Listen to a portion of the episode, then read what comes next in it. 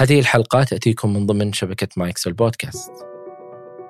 لأنه كثير كنت ألوم حالي من قبل إنه ليش أنا؟ ليش كل الناس عايشة؟ يعني هيك كنت أفكر. ووصلت لمرحلة جد إني بطلت محتاجة أقنع اللي حوالي إني بعاني لأنه رغم كل هاد كانوا مصرين إنه هذا إشي أنا بعمله.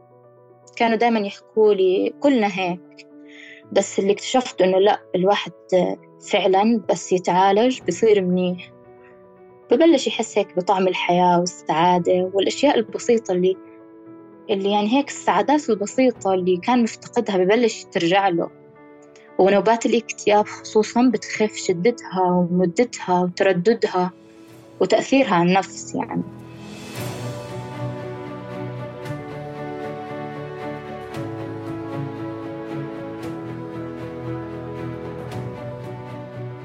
أهلا بكم يا أصدقاء. في هذه الحلقة تشاركني رؤى تفاصيل آه، زيارتها المختلفة للعيادة. بعد عشر سنوات من من التغيرات والأمور اللي كانت تمر فيها آه، إيش اللي حصل آه، حتى قررت الزيارة. التغيرات اللي حصلت لها بسبب الأدوية النفسية إيش اللي حصل معها في موضوع الجلسات. شاركتني هذه القصة من بداية الزيارة حتى وقت تسجيل هذه الحلقة. لا تنسوا يا أصدقاء تقييم البودكاست على آيتونز. كذلك مشاركة الحلقات السابقة على من تحبون عبر منصات التواصل المختلفة. أي شخص حاب يشارك تجربته معي هنا على البودكاست أتمنى منك أنك تتواصل معي على العنوان البريدي وهو أسامة وجدان دوت كو كل شيء ذكرناه في هذه الحلقة تجدون في وصف هذه الحلقة. وشكرا لكم. أنا وسام بن جيفان وهذا وجدان. هل أنت سبق وزرتي العيادة؟ آه، عيادات. عيادات كثيرة يعني. ثلاث سنين من زيارة العيادات. متى صارت؟ متى كانت أول عيادة؟ آه لما آه أنا الآن سنة رابعة جامعة. آه انهيتها يعني لله الحمد. آه بدأت زيارة العيادات مع بداية السنة الأولى من الجامعة. بدأ الموضوع يعني هي رحلة بسميها رحلة العشر سنين من التعب وال والمرض ويعني وصلت مراحل عالية من سنة نقدر نقول. آه لا قبل سنتين قبل سنة بلشت إنه برحلة التعافي. يعني إحنا إن شاء الله نوصل التعافي التام بس يعني التعافي تقريبا بقدر أقول هو سبعين لثمانين بالمية. بلش الموضوع لما بعد مروري بصدمات خلال طفولتي. وخلال المراهقة بلشت تصير أحداث يعني كبيرة عائلية والأمور هاي وصاحبت انتقالي من مدرسة لمدرسة جديدة. والمدرسة كانت الجديدة حتى تختلف بيئتها وبيئة الطلاب اللي فيها كثير عن اللي قبلها. وكنت أنا يعني صارت معي صدمتين كبار انضافوا لصدمات الطفولة. خلال السنوات بداية يعني بداية سنواتي في المدرسة الجديدة. فبلشت تصيبني نوبات الاكتئاب. كانت تستمر لشهور فهي تعتبر نوبات حادة يعني. وكان فيها بكاء شديد وكنت بقعد نايمة طول الوقت. بروح المدرسة ما بحكي دايما عيوني سود. تراجع مستواي الدراسي. يعني مستواي الدراسي أغلب الوقت كان آه، في بداية التسعينات يعني. آه، ما كنتش أوصل أعلى لأنه ما كنتش أشوف حالي إني بوصل هذاك المكان. إنه لا هذا المكان بعيد عني مستحيل. خليني بأول تسعين وخلاص. الدرجات قصدك؟ أيوة بالدرجات. أه وقتها تراجع صار يصير في الثمانين يعني. أه صار في لوم لوم من الجميع. أه صاروا معلماتي يحكوا لأهلي إني بعيش دور الضحية وبتلذذ فيه إني بلفت الانتباه إنه أهلي مناح شو بده يكون صاير معي؟ آه مع إنه أغلبهم ما بيعرفوا إنه يعني أصلا أغلب الأمور لما تصير يعني الواحد بيكون بهذيك المرحلة لسه مو عارف كيف يحكي لأهله إنه صار معي هيك هيك هيك. يعني قد ما كانوا الأهل مناح. فطلعت من هديك الفترة باستنتاج إنه ما حد حيساعدني. مش مهم أكون حزينة المهم إنه علاماتي مناح وما حد يعرف عن اللي بمر فيه وكل شي بيكون بخير. فوقتها قدرت إني أرجع لمستواي الدراسي اللي قبله يعني صرت كتير اجتماعية اجتماعية بدون حدود حتى. أه، دايما بضحك وأول ما أوصل البيت كنت أعيش تعبي وحزني يعني بكل قوة جد كان يكون كتير قوي مسيطر علي. كنت أوقات إنه زي اللي ما أقدر أخفيه بالمدرسة. أه، كان عندي نوبات عصبية وتقلب مزاج حاد كتير. أه بس طالما أنا بجيب علامات وعندي صحبات كتير كان خلص ما حد يحكي. وآخر سنيني بالمدرسة ساعدتني معلمة كنت كتير بوثق فيها. أه كانت أول حد بحكي له أنا بشوف شو مريت. وأنا شو بحس؟ وفعلا ساعدتني كتير كتير يعني. وما أنا يعني هلأ بقول إنه ما كنت بعرف كيف كنت حكمل سنيني خصوصا آخر سنة بالمدرسة إنه قدرت إني أتخطاها لأنه هي تعتبر السنة الدراسية إنه صعبة منها هي اللي حتأهلك للجامعة أو لأ. فيعني بالرغم كل نوبات الاكتئاب اللي كانت تصيبني كنت أقدر أتخطاها لأني كنت أحكي مع حد. بعدين يعني كم مرقوا سنين المدرسة فلما دخلت الجامعة سنة أولى كانت هي السنة اللي أدركت فيها إنه في إشي خطأ. يعني كنت زمان أسمع عن الاكتئاب أسمع عن أي مرض أحكي إنه هذا شو وين أنا وهم هم وين؟ يعني هدول الناس أكيد ما بتحركوا. ما بيروحوا على المدرسة أنا هيني بروح على المدرسة. فكنت زي اللي حاسة بس زي أكذب حالي إنه لا هدول الناس ما بتحركوا ما بيقدروا يعملوا شيء بحياتهم اللي بيكونوا عندهم مرض أو اكتئاب. ف وقتها أنا أدركت لأنه كنت أنا صرت عايشة بسكن طالبات آه، صرت إنه يعني بنات وحياة حلوة وفي لحظات كتير حلوة معهم.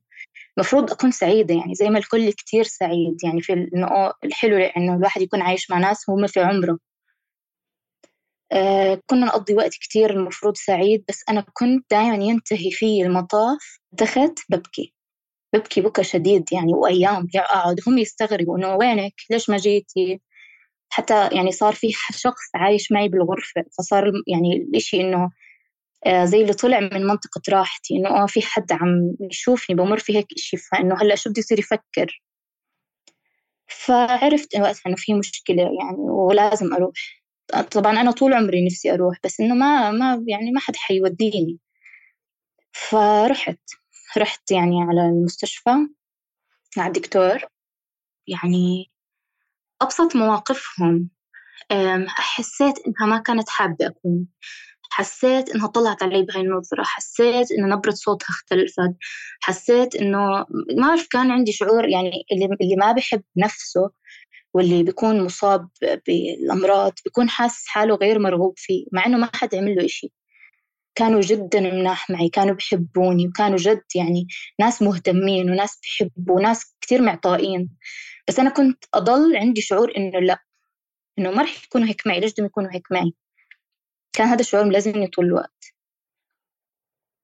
فكنت ألاقي يعني أسباب أسباب تكون كتير تافهة لدرجة إنها تدخلني في نوبة تستمر فترة طويلة يعني ما ما أداوم على الجامعة حتى. آه يعني الحمد لله إني أنا طول عمري أصلا آه، متعودة على الدراسة الذاتية يعني أنا متعودة أقعد مع نفسي أنا أدرس وأجيب علاماتي. فكنت أوكي ما أداوم على الجامعة بس هي علاماتي ماشية والحياة ماشية يعني ماشية عشان إنه بس يكون معي إشي أقدر أورجيه لأي حد بيحكي معي. مش عشان أنا بدي. فاتخذت قراري وقتها إنه أروح لدكتور.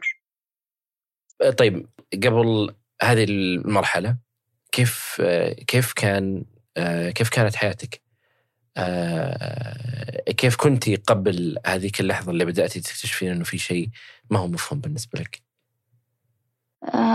كنت طفلة أعتبر المفروض بس كنت عايش إشي كثير كبير يعني كنت بعيش صدمات طفولة كثير قوية يعني أمور كثير كبيرة يعني كطف كطفلة. آه، وكل كل اللي بتذكره من هذيك الفترة العجز إنه كنت حدا عاجز عم بيمر في أشياء كثير صعبة بس هو عاجز.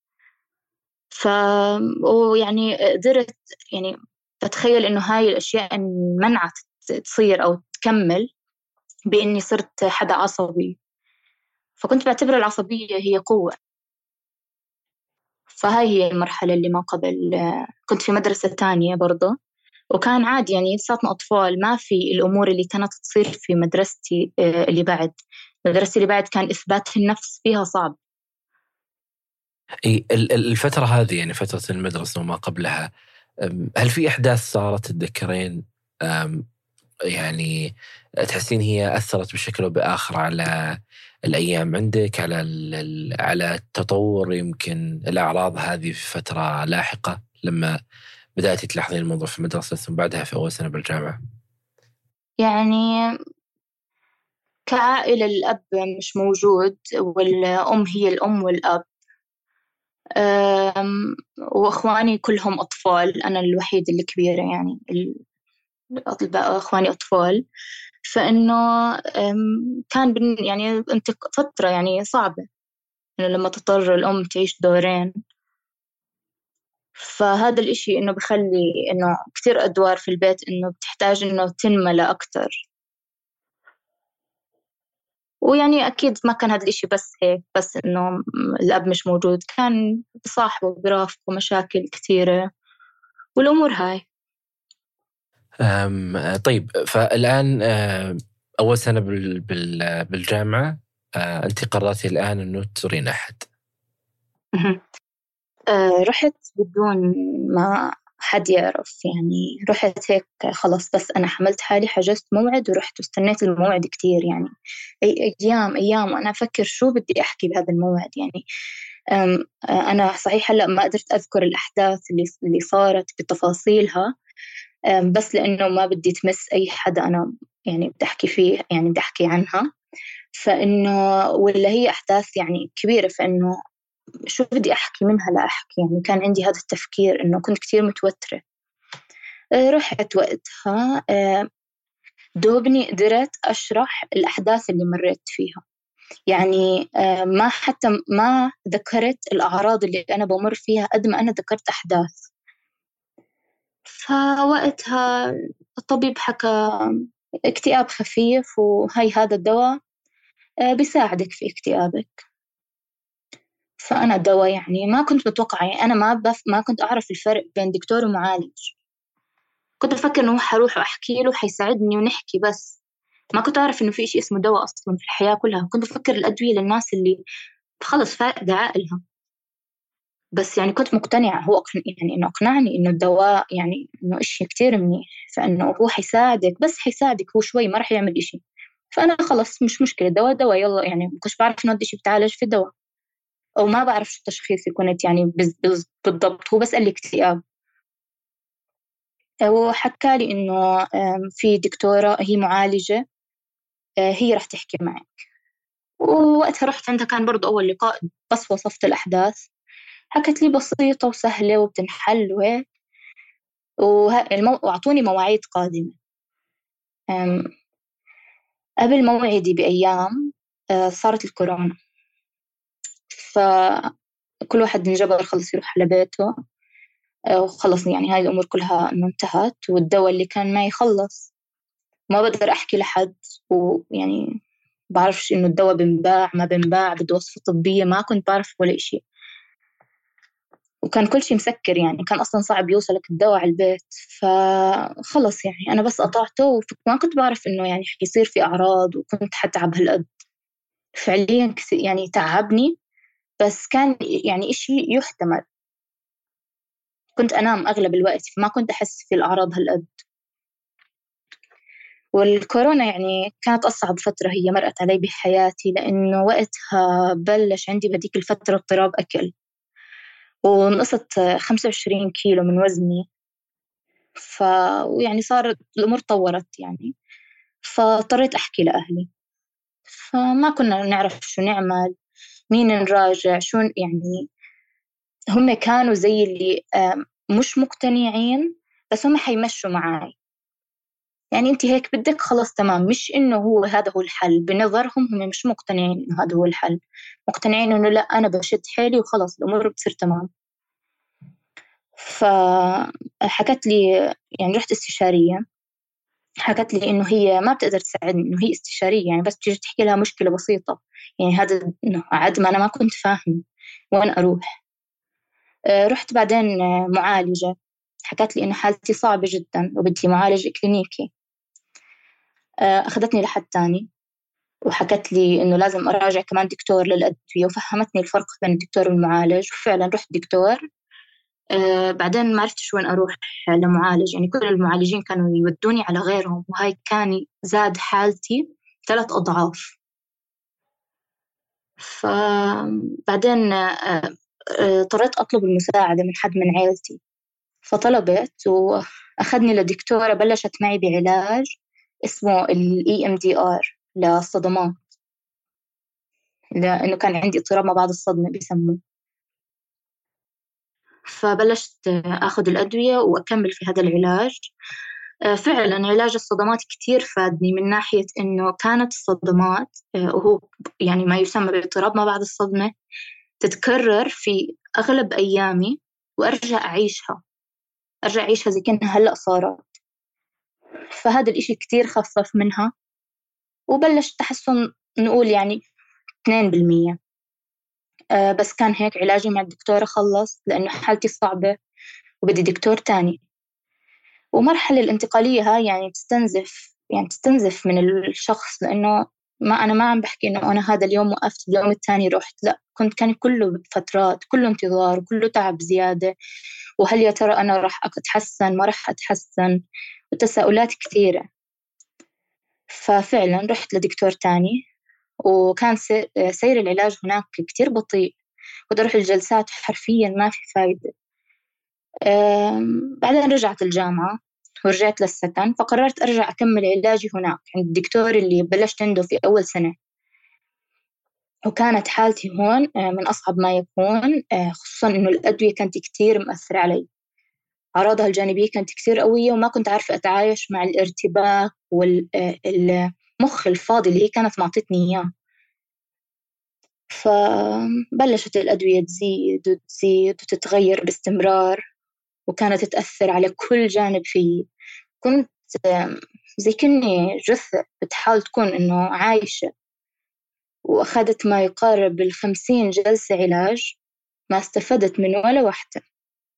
يعني من ولا واحدة حرفيا. مش ما بعرف إذا هو كان بسبب الأدوية أو إنهم أشخاص أشخاص مش مناسبين أنا ما بقدر أحدد بس أنا معتبرة إنه السبب فعليا بسبب الأدوية.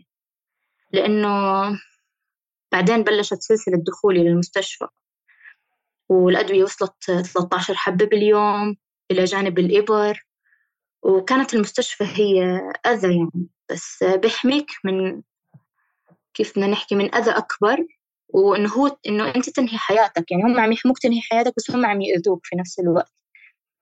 والأدوية زادت وزني سبعة وثلاثين كيلو وانمسح تفكيري تماما. آه، نومي تأثر لدرجة مرة ضليت صاحية 11 يوم. بطلت الإبر تجاوب ولا إشي يجاوب. مرة نمت عشر أيام. كنت ما أكون واعية. حتى وصلت مرحلة إنها صارت تصيبني بتشنجات فالأمور خرجت عن السيطرة. لما أنت كنت تروحين كانوا يقولوا لك إنه أنت حالة صعبة، إيش إيش الصعوبة اللي قاعدين يشوفونها؟ انها بدها وقت طويل من العلاج، هاي هي الصعوبة عندهم. اكتئاب حاد ومزمن كان هاي أول إشي. أه، اضطراب شخصية حدية بالإضافة لاضطراب أكل هاي هي الثلاث أشياء. وكان في اضطراب ما بعد الصدمة بس ال EMDR كثير يعني خفف منه. لما انت تقولين انه انت دخلتي الان في دوامات مختلفة اللي هي موضوع المستشفى والتنويم يمكن وال, وال والحبوب 13 حبة أو الابر هذه كلها كانت ليش؟ إيش إيش يعني إيش المبرر الطبي للأشياء اللي أنت تمر فيه؟ إذا كان هو اكتئاب واضطراب الأكل والشخصيه الحدية. إنه دواء الاكتئاب ثلاث حبات دواء مش عارف شو دواء المهدئ مثبت المزاج آه، بالإضافة ل بما إنه صارت تشنجات فدواء التشنجات. يعني لما نجمع كل هدول مع بعض بيوصلوا يعني. فاللي جالس يصير إنه آه، أول شيء جالسين يعالجون الأعراض آه، وأعراض الأدوية يعالجونها بدواء. بالضبط. يعني كنت أروح أحكي مثلا وكمان يعني كنت إنه أحكي للدكتور الدواء عم يأثر فيه ما عم بنام. فهو يعتبر هذا الإشي من أعراض الاكتئاب فيعطيني كمان دواء. عشان أنام. فإنه تزيد تزيد تزيد لحد ما خرجت عن السيطرة فعليا. آه، وكوني يعني طالبة جامعية بدرس تخصص طبي دراستي دمرت. وبطلت أداوم وكنت فعليا بشوف كل شي كل شي بضيع قدام عيوني ومش عم بقدر أعمل إشي لضياعه. والناس اللي حوالي بيحكوا لي إنه شو بتعملي وقفي يعني هو أنا أحكي لهم مش بإيدي. بس إنه يعني خلص آه، هي الفكرة كان إنه خلص ما حد هم بس ماشيين عشان الإشي أنا بدي إياه. مش عشان هم جد مقتنعين. يعني دائما بيحكوا لي أنت ما فيكي إشي عندهم يعني هاي الجملة سمعتها من كل حد حوالي. أنت ما فيكي شيء لأنه يعني خبرتك إنه أنا شخصية اجتماعية حوالي كتير ناس فهذا الإشي بخليه إنه لا معناها ما مالك إشي. فبس أنا الحدا اللي بيعيش مع يعني بيعرف إنه إنه أنا لا بمر في أشياء كبيرة. ف استمرت المعاناة. أنا طول ما أنا باخد في الأدوية ولا يوم حسيت إني أنا متحسنة ولا يوم. كنت آه، أعراض الأدوية أنا مو عارفة أتعامل معها. يعني وصلت مرحلة يعني أنا كل اللي عم بمر فيه أنا مش عم ببكي أنا مش عم بد... مش عم بتضايق. آه، عم بيصير كل هاد وأنا مش عارفة شو أعمل. يعني أنا بس حدا هيك مش عم زي كني خلص ما عم بعرف أعمل ولا إشي. بس بتفرج. يعني أنا هلأ بس أنا أتذكر الأمور إنه أنا كيف ما كنت متضايقة كيف ما كنت عم ببكي. و... و... يعني زي كأنه علقت مشاعري وأفكاري وحكي حتى ما كنت أعرف أحكي ما كان عندي حكي أحكيه مع إني أنا حدا يعني عندي دائما عندي حكي وبحب أحكي يعني وبحب أضحك. فقدت هذا الإشي في الاكتئاب بس كنت يعني مش تماما فقدته كمان. مع الأدوية كل هاد فقدته زائد إنه أعراض الجانبية حسيت فيها واحد واحد. آه، إيش كان بالنسبة لك آه، يعني آه، يمكن أقوى الأعراض الجانبية اللي كانت مؤثرة عليك بشكل كبير في حياتك اليومية أعراض الأدوية؟ في حياتي اليومية كان النوم إنه الأدوية كانت تنيمني زيادة عن اللزوم كنت دائما نايمة آه، أما الأكبر عرض مؤثر في نفسيتي آه، اللي هو إنه آه، وقت ما أنا عندي يعني اضطراب أكل في وقت ما انصحت كان إشي كتير مدمر لإلي بالرغم من إنه هلأ وزني عم يرجع بس خلص يعني ما بحب أتذكر إنه الفترة اللي وصلت فيها لهذا الوزن يعني. بعدها قررت أقطع الأدوية. خلص قررت أقطعها تماما و يعني كأي حاجة إنه لا ما راح يصير في إشي لو قطعتها أنا يعني بدي أثبت إنه لا هذه الأدوية مش إدمان يعني أنا بقدر أتركها. تركتها مرة واحدة كلها. فإنه كمية هاي الأدوية يعني أعراضها الانسحابية كانت لا تطاق مستحيل يعني ما كنت حد بقدر يتحملها. فوقتها تواصلت مع دكتوري قال لي إنه بسرعة أراجعه. فرحت لدكتوري حكيت له أنا قررت أقطعها. آه، تناقشنا كتير وكان هو بده أستمر. بس خلص أنا كنت متخذة القرار وفعلا قطعت الأدوية تماما بالتدريج. مع إنه ما بعرف كيف إنه قدرت أتخذ القرار بديك الفترة بس إنه هذا كان الإشي الوحيد اللي قدامي بقدر أعمل خلص يعني الأمور كانت ما بعرف لوين بدها توصلني يعني. ف وبنفس الفترة اللي قطعت فيها الأدوية أخذت فترة بدون جامعة.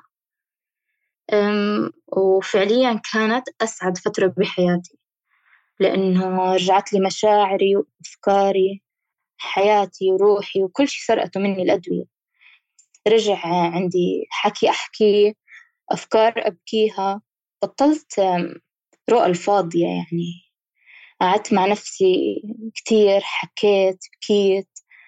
آه، وأهم إشي إني عرفت أنا مين وأنا مين بدي أكون وشو بدي أعمل لقدام شو الخطوة الجاي. يعني تدمر كل هذا الوقت من حياتي إنه أنا ما بدي أضل على هاي الحال. مع العلم إنه بعد الأدوية حدة كان هو أخف حدة بس كل شيء بده يتم التعامل معه من الصفر يعني لأني ما استفدت من جلسات العلاج نهائيا خلال الأدوية. فأنا فعليا أنا ما عرفت كيف أتعامل مع الحياة. أنا بس إنه يعني كانوا بدهم يعالجوا إنه الكيمياء اللي في الدماغ أو الأمور هاي تمام خف حدة الاكتئاب بس أنا لسه عندي كثير أشياء كان بدي أتعامل معها زي كأني ما أخذت ولا دواء. هلأ بدي أرجع أتعامل من الصفر. الفترة هذه طيب يعني أنت وقفتي عن الجامعة طيب في هذيك الفترة لكن كيف كانت حياتك بشكل عام؟ يعني ما بين تواصلك مع الناس يومك يعني أنت صار أغلب يومك كله مرتبط بال آه، يعني بال بالمستشفى وبالعلاج وبالأدوية وبالتفاصيل هذه يعني اللي تصير بشكل يومي؟ آه، أنا أصلا فترة المستشفى والأدوية ما كنتش عايشة في البيت كنت عايشة في سكن طالبات. فوقتها رجعت على البيت. كان كل حد يعني من الأهل مشغول في الإشي اللي هو يعني روتينه. آه، اخترت إنه ما أعمل إشي بهديك العطلة نهائيا. اخترت إني أعرف أقعد مع حالي. كنت أتعلم أقعد مع حالي. أتعلم أكون سعيدة مع نفسي. أعرف أنا مين أسمع لحالي أكتر. أعرف شو خربت الأدوية وشو خربت الأيام وشو الخطوات الجاية في حياتي. يعني تضل هيك ولا إيش بدي أعمل. راح أرجع أكمل علاج ولا راح أخذ أدوية ولا. يعني كنت فعليا جدا تايهة ومتشتتة بس ما انتهت العطلة إلا أنا عارفة وين بدي أكون. كنت أغلب الوقت بس قاعدة بس قاعدة بس قاعدة يعني بفكر بحضر فيديوهات أشياء يعني تفيدني أقرأ كتب. كنت بس بدي أعبي دماغي اللي فضي كل هاي الفترة. فكنت كنت كمان أجبر نفسي إني أطلع. وأشوف ناس أنا بحبهم وناس قراب مني كان يعني الفترة الماضية كانت حرمتني منهم بس اخترت ناس كتير قراب. ناس أنا بقدر أتناقش معهم بأفكاري ناس أنا بقدر أحكي لهم أنا شو حابة أعمل. ناس لو حكيت لهم يعني أي إشي بسيط هم حيكونوا حيشدوا إيدي حيقولوا لي آه اعملي فهديك الفترة كانت ما كنتش محاطة إلا في الناس هدول وفعليا آه كانت فترة مفيدة. يعني أنا هديك الفترة لهلأ أنا بعيش تأثيرها. وبطور عليها. يعني الأفكار اللي انبنت في هذيك الفترة أنا لهلأ بس عم بطور عليها ولا هي كانت الأساس. وبعد هاي الفترة إنه كنت محتارة بس إنه خلص كنت أنا بين نارين. إنه يا إما برجع للموت اللي كنت فيه أو بتحدى المرض يعني وخلص بكمل. ونهيت العطلة بقرار حازم يعني خلص إنه هذا قرار ما رح ينرجع عنه. إنه ما بدي لا علاج ولا دواء على الأقل بالفترة القادمة. وبدي أبدأ بجامعتي بعد السنين الطويلة اللي كنت أدمر نفسي فيها وأحكي لحالي. مستحيل تجيبي معدل مستحيل تكوني آه إشي مستحيل تتحدي حدا. يعني كنت هيك عندي هاي الأفكار السيئة عن نفسي. فقررت إنه جد أتحداها وجد آه يعني أعمل أكتر إشي عندي أشوف أنا وين بوصل أنا مين. ف آه، بفصل الجامعة الأول رجعت للسكن بقراراتي ولملمت شتت نفسي يعني تحديت كل أفكاري. هذا كذا بعد ما وقفتي كل الأدوية والعلاج خلاص. وقفتها من فترة يعني هيك كان صار لي أربع شهور تقريبا بدونها. أه وقت بهداك الفصل جد تحديت كل أفكاري اكتشفت كل عاداتي السيئة اللي هي كانت كمان تزيد من المرض. أه غيرتها شوي شوي كنت كل يوم أصحى في وقت معين روتين معين آه، أبذل كل جهدي آه، يعني لحد ما وصلت إني أدرس يعني 12 ساعة باليوم كنت سعيدة جدا بهذا التعب. وما بنكر إني برضو تجاهلت كتير أفكار نابعة من اضطراب الشخصية الحدية يعني أغلبها بس ما كنت أعرف كيف أحلها يعني كيف بدي أتعامل معهم. كل اللي مرقت معهم ما حسيتش إنه حد فيهم جد علمني. فانتهى الفصل ولله الحمد جبت معدل أربعة بالجامعة وهو يعتبر معدل بجامعتي بتطلب جهد عالي جدا.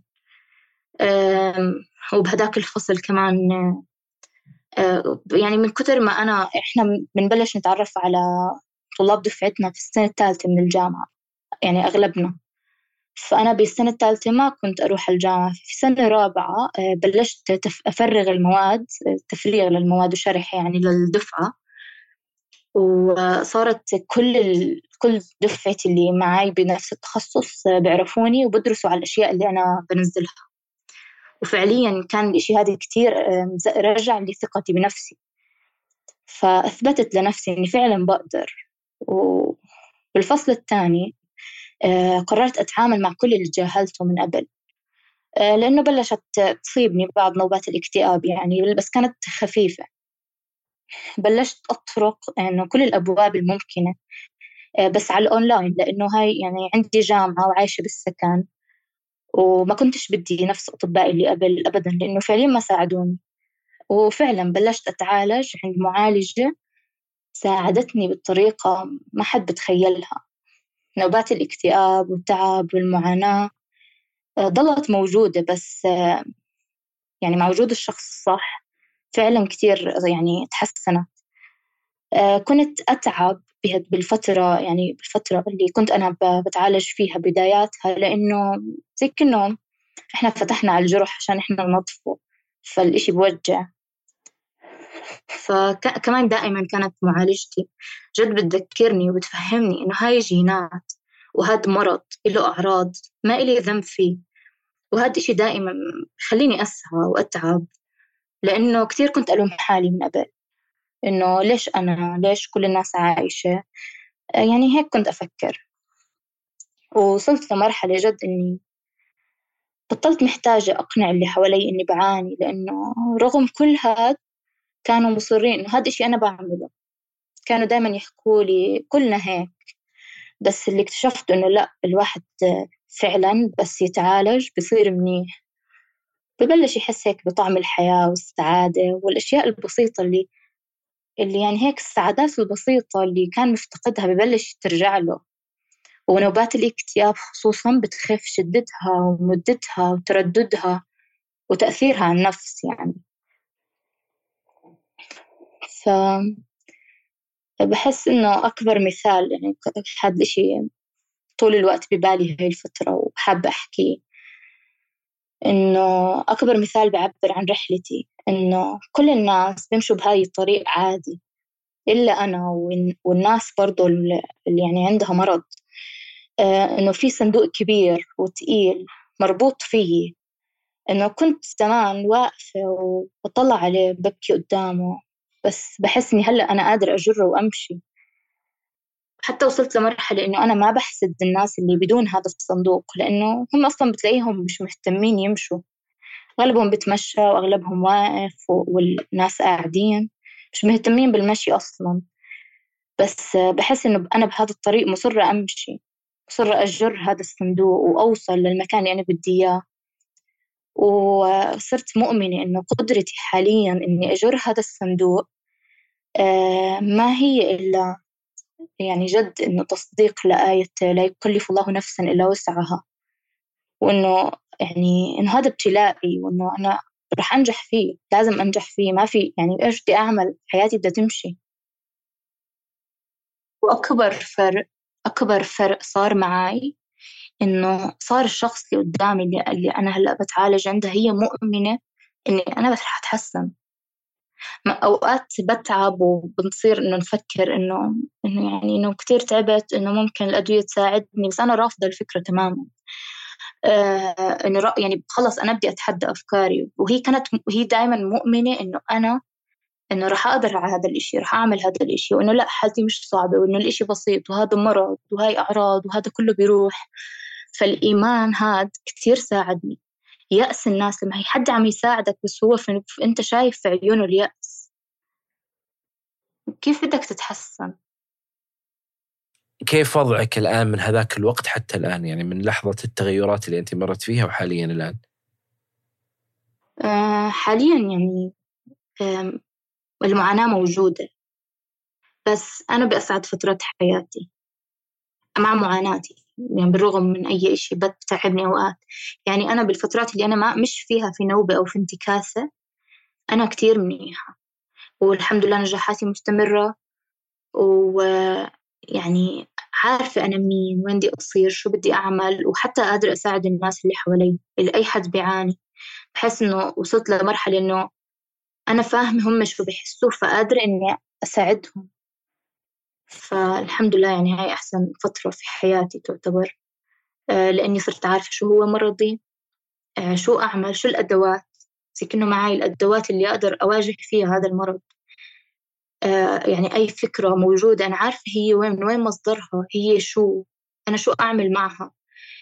مش قادرة إنها دايما تنهيني ببكي أو مش عارفة أتعامل. أو بفكر في الانتحار أو في أذية النفس. بطلت الأمور تنتهي لهون دائما. ممكن إنها يعني توصل بس آه، يعني خفت الشدة والمدة. يعني إذا وصلت توصل ساعات. آه، يعني أكثر أكثر مرة ممكن توصل يومين ثلاث.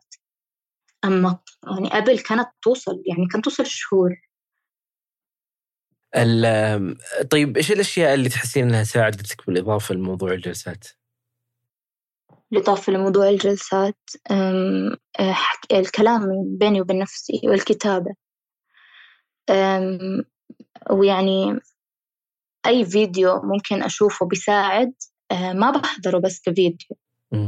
أنا راح أفتح ورقة وقلم آه، أكتب الفيديو وأدرسه دراسة وأطبقه فعلا.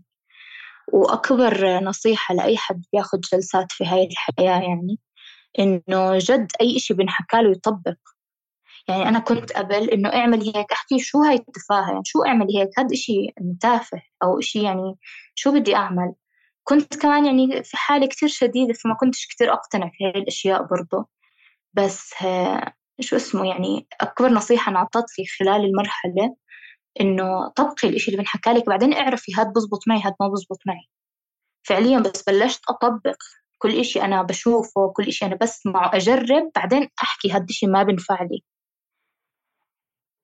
وأي إشي حسيت إنه ممكن يساعدني جد أمسكه وأكتبه وأقرأه وأكتب أهدافي يوميا أكتب أنا شو بدي أصير يوميا. الأهداف والنجاحات هي اللي بتنتشل الواحد من الحزن. الواحد حزين طالما هو فاضي طالما هو آه، ما عنده إشي. ويعني صرت بعتبر أي إشي هو نجاح بالنسبة لي. طالما أنا اليوم طلعت من البيت هذا نجاحي لأنه أنا مش زي أي حد بطلع كل يوم بسهولة. فيعني نجاحات مو شرط إني إني أكون إشي كتير كبير. نجاحات إنه إني أنا أكون قدرت أعمل إشي أنا حسيته صعب علي.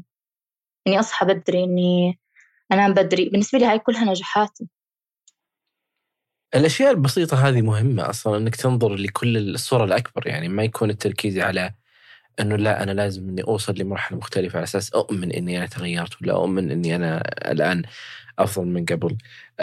خاصة للناس اللي يتعايشون مع الاكتئاب التغيرات أو النجاحات البسيطة هذه مثل إنه آه، يقوم من الفراش أصلا. هذه هذا شيء مختلف. إنه يطلع مع الأشخاص إنه ياخذ شاور يعني. التفاصيل هذه كلها رغم أنها صغيرة جدا في نظر الأشخاص وبسيطة لكن هي مهمة.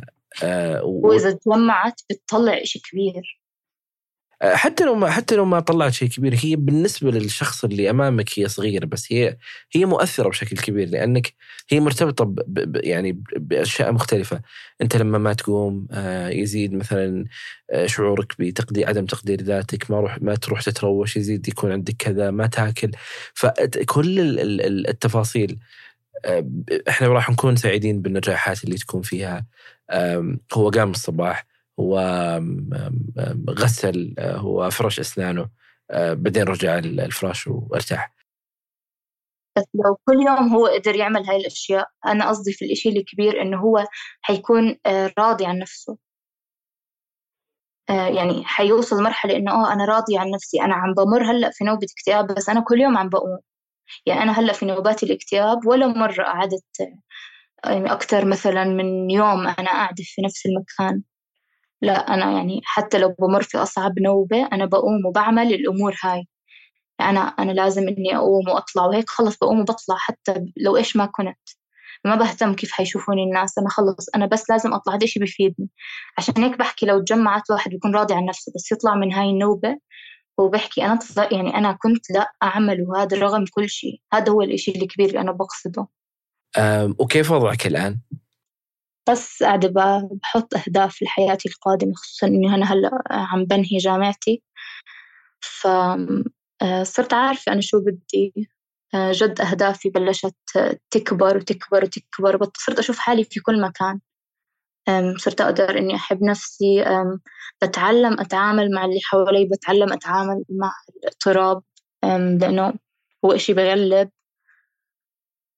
صرت أميز إنه أحكي لحالي لا هذا مش تفكير صحيح هذا تفكير صحيح هذا إشي لا المرض هو اللي عم بيخليك تفكري هيك هذا مش إشي صح.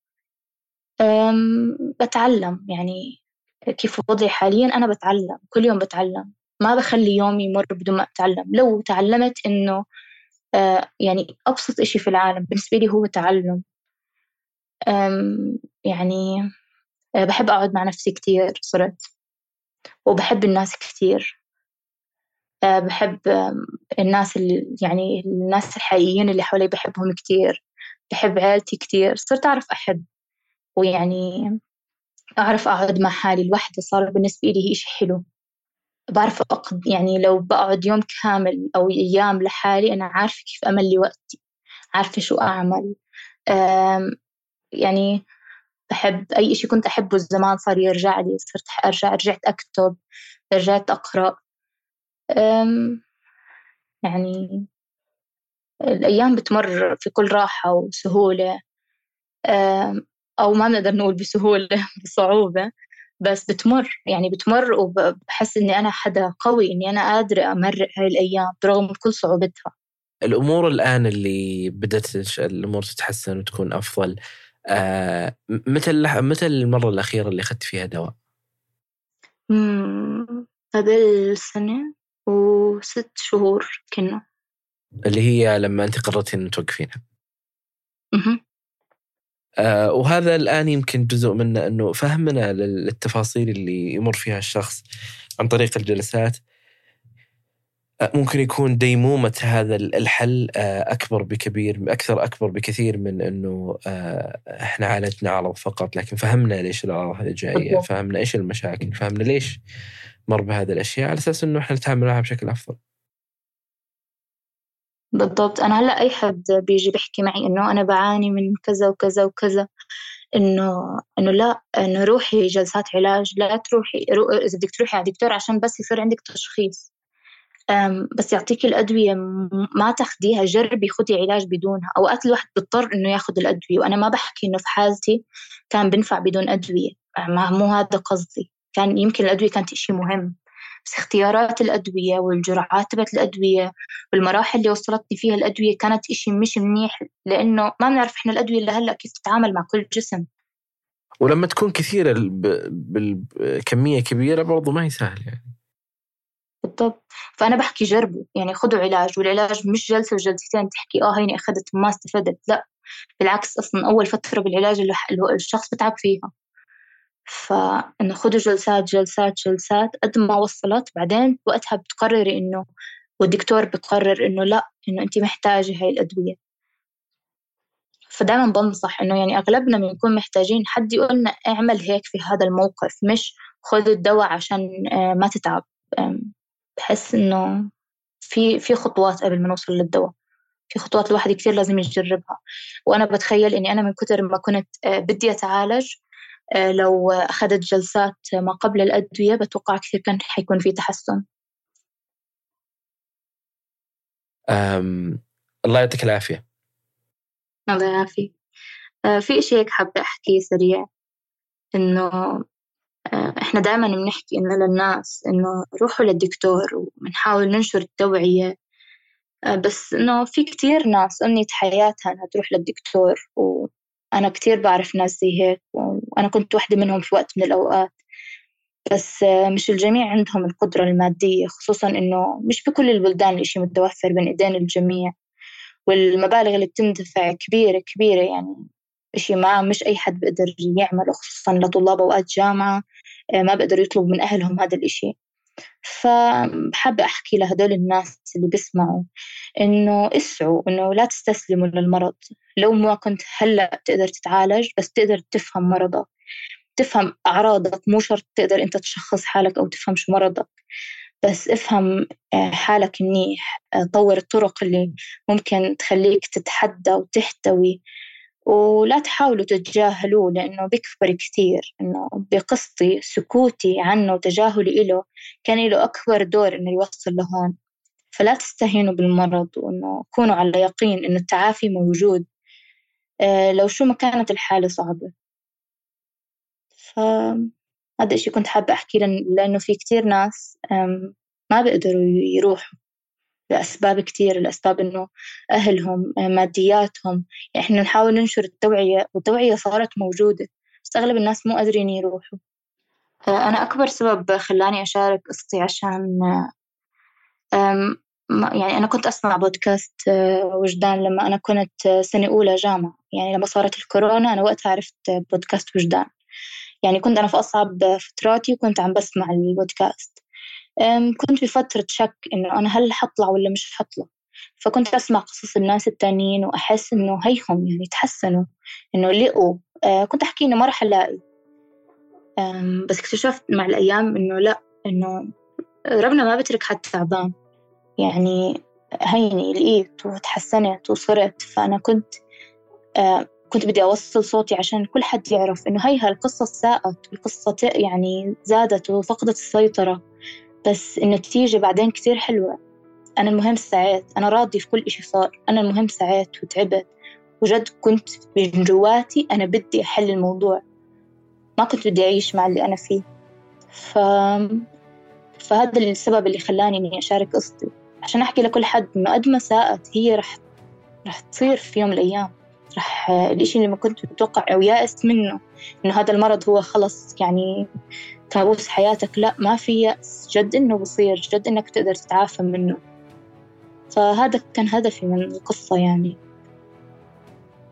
أم الله يعطيك العافية والله. شكرا شكرا لك يعني على وقتك شكرا لك على مشاركة التفاصيل هذه. في شيء حابة تقولينه قبل ما أخلص؟ لا شكرا كثير. شكرا لك. شكرا إنك أعطيتني الفرصة إنه أشارك قصتي. الله يعافيك. شكرا.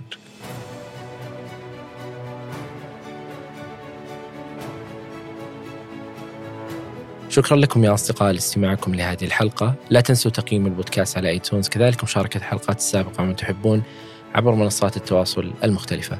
أي شخص حاب يشارك تجربته معنا هنا البودكاست أتمنى منك أنك تتواصل معي على العنوان البريدي وهو أسامة at وجدان dot com كل شيء ذكرناه في هذه الحلقة تجدونه في وصف هذه الحلقة وشكرا لكم. أنا أسامة بن جيفان وكنتم مع وجدان.